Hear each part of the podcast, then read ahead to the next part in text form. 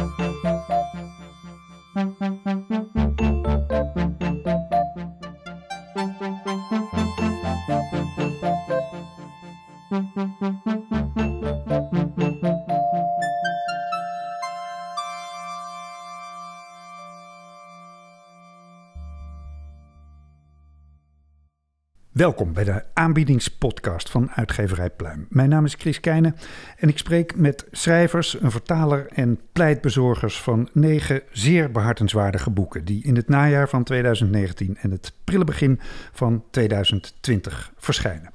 Mijn achtste gast is Maarten Polman. Hij is vertaler van De Leugens die ons binden van Kwame Anthony Appia. Dag Maarten. Dag Chris. Ehm, wie is Kwame Anthony Appia? Laten we daar beginnen. Een buitenbeentje. Want? Met een speciale voorkeur voor buitenbeentjes. Hm? Hij is een uh, Brits-Ghanese filosoof. Van beide kanten uit een uh, upperklasse familie. Van vaderskant stamt hij van de koninklijke familie van Ghana. Zijn vader was advocaat, heeft meegewerkt aan de grondwet van Ghana toen het onafhankelijk werd in 1960 geloof ik.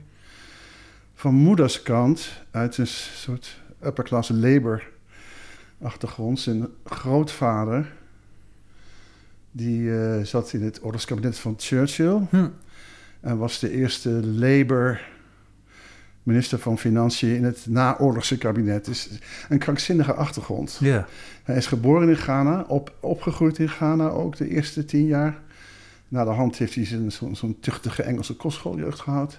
In Oxford gestudeerd, Mhm. filosofie. Mhm. En eh, voor iedereen, een, eh, hij, brengt, ja, hij stelt iedereen voor raadsels al zijn hele leven, omdat hij super bekakt Engels spreekt en pikzwart is, of half zwart. En dan krijgt hij natuurlijk altijd vragen over wat ben jij voor iemand? Of heb, heb je geen raar accent? Ja. En dat komt gewoon omdat hij die Engelse upperklasse opvoeding heeft gehad. Ja. Waarvan hij zelf zegt, dat kan ik ook niet helpen. En in, in die zin dus een buitenbeentje, want er is eigenlijk geen tweede met, met zo'n achtergrond. Nou, ik, ik zou het niet weten. Ik Nee. geloof dat hij inmiddels in New York woont, waar hij uiteindelijk ook thuis hoort. Hm. Daar doseert hij. En eh, hij schrijft al zijn hele leven over identiteit. Hij worstelt daar zijn hele leven al mee. Ook met zijn eigen identiteit natuurlijk. Ja, ja, want mijn volgende vraag op mijn papiertje is: wat maakt hem bij uitstek geschikt om over identiteit te schrijven? Maar die is dus al beantwoord. Ehm, ja, ja die, die vraag zou ik niet eens kunnen beantwoorden. Hij beantwoordt zichzelf, want, want het is gewoon door zijn eigen achtergrond al. Ja. Hij moest wel die kant op. En, en nou, inmiddels is hij... eh, ik geloof dat hij in de zestig is. Hij is een, eh, inmiddels is hij een academische autoriteit op het gebied ook nog. ja. maar maakt dat eh, zijn jongste boek, De Leugens die ons binden, tot een academisch boek? Nou ja, als vertaler zeg ik ja. Hm. Omdat het eh, in academisch proza is, is geschreven en, en, en, ik dat ook op die, die manier benaderd heb. Maar academisch, ja, het is natuurlijk wel een, zeer eh, hot maatschappelijk onderwerp wat hij behandelt. In die zin is het natuurlijk ook heel erg, eh, heel erg sociaal brandend thema wat hij behandelt. Ja.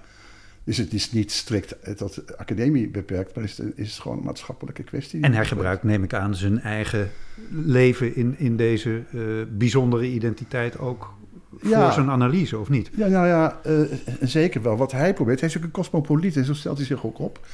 En hij, neemt, hij noemt ook in zijn boek een aantal voorbeelden van andere cosmopolieten waar hij zich, eh, andere cosmopolieten waar hij zich mee verbonden voelt. Ettore Schmies natuurlijk, Svevo, Hm. eh Cavafis, dat soort typische randfiguren. Maar, maar wat, wat hij vooral wil, is dat eh, eh, in, in dat debat heb ik het idee, ik praat als een leek, hè? Ja. ik ben vertaler.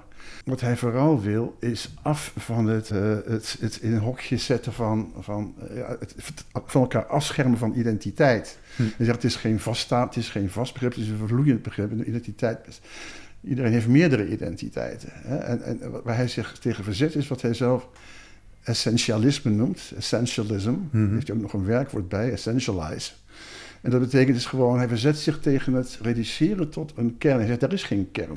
De kern is vloeiend en vloeibaar. Het is een mythe om te denken dat, dat, dat, dat, dat, dat iemand een, een, een, inherente kern heeft. Mhm. Ja, en dat, is een, vrij, dat heeft vrij, vrij vergaande gevolgen. Hij, hij, hij verzet zich dus heel erg tegen, het, eh, tegen de verstarring in dat debat. Eh, en de verharding van standpunten. Hij zegt van, eh, eh, ja, op alle domeinen van identiteit, hij heeft er een aantal, die heeft hij opgesplitst in hoofdstukken. Allemaal keurig met een C beginnend. Ik noem het eventjes snel. Ja? Creed, country, color, class en culture. van die, van die allitererende C moest ik af in het Nederlands. Uh, hij, al die domeinen uh, uh, behandelt hij en behandelt hij in, in, in, het licht van, dat, van zijn kritiek op dat essentialisme. Hij zegt van je, je, je, kunt, je, kunt, je kunt mensen niet herleiden tot één kern. Dat is een constructie, een ideologische constructie. Een mens bestaat uit meerdere identiteiten. Daarom is het ons om iemand weg te zetten als dader en jezelf te profileren als slachtoffer of omgekeerd. Je bent altijd meerdere dingen hm. en meerdere personen. En, en, zo probeert hij een beetje de angel uit dat, uh, dat, dat, dat, dat, dat, gepolariseerde debat te halen. Op een hele ingenieuze manier. Ja. Je zei het is een academisch boek, maar is het ook uh, een good read? Een wat? Een good read. Een good read. Uh, zeker. Oh, het is, zeker. Het is een enorm. ja, het is, het is ook het is natuurlijk een hele leuke man. Ik zal hem graag over praten. Een charmante man. Het is zeker een good read. Het is heel leuk om te lezen. Hij is geweldig erudiet. Hij, hij had allerlei voorbeelden aan uit de cultuurgeschiedenis, literaire geschiedenis. Uh, het, is een, het, is, het is een heel aangenaam geval van een omgevallen boekenkast. en, en waarop hij is heel, het is heel uh, uh, inspirerend. Okay. En ik denk voor, voor, voor iedereen die ook maar een beetje in dit debat geïnteresseerd is. Dan heb ik goed nieuws voor je. Je kan hem horen spreken. Hij is op 25 en 26 oktober in het, op het Brainwash Festival in Amsterdam. En uh, datzelfde weekend, de zondag daarna, zit hij in het programma Buitenhof. Om te spreken over zijn boek De Leugens die ons binden. Dat werd vertaald door Maarten Polman. Dankjewel. Oké.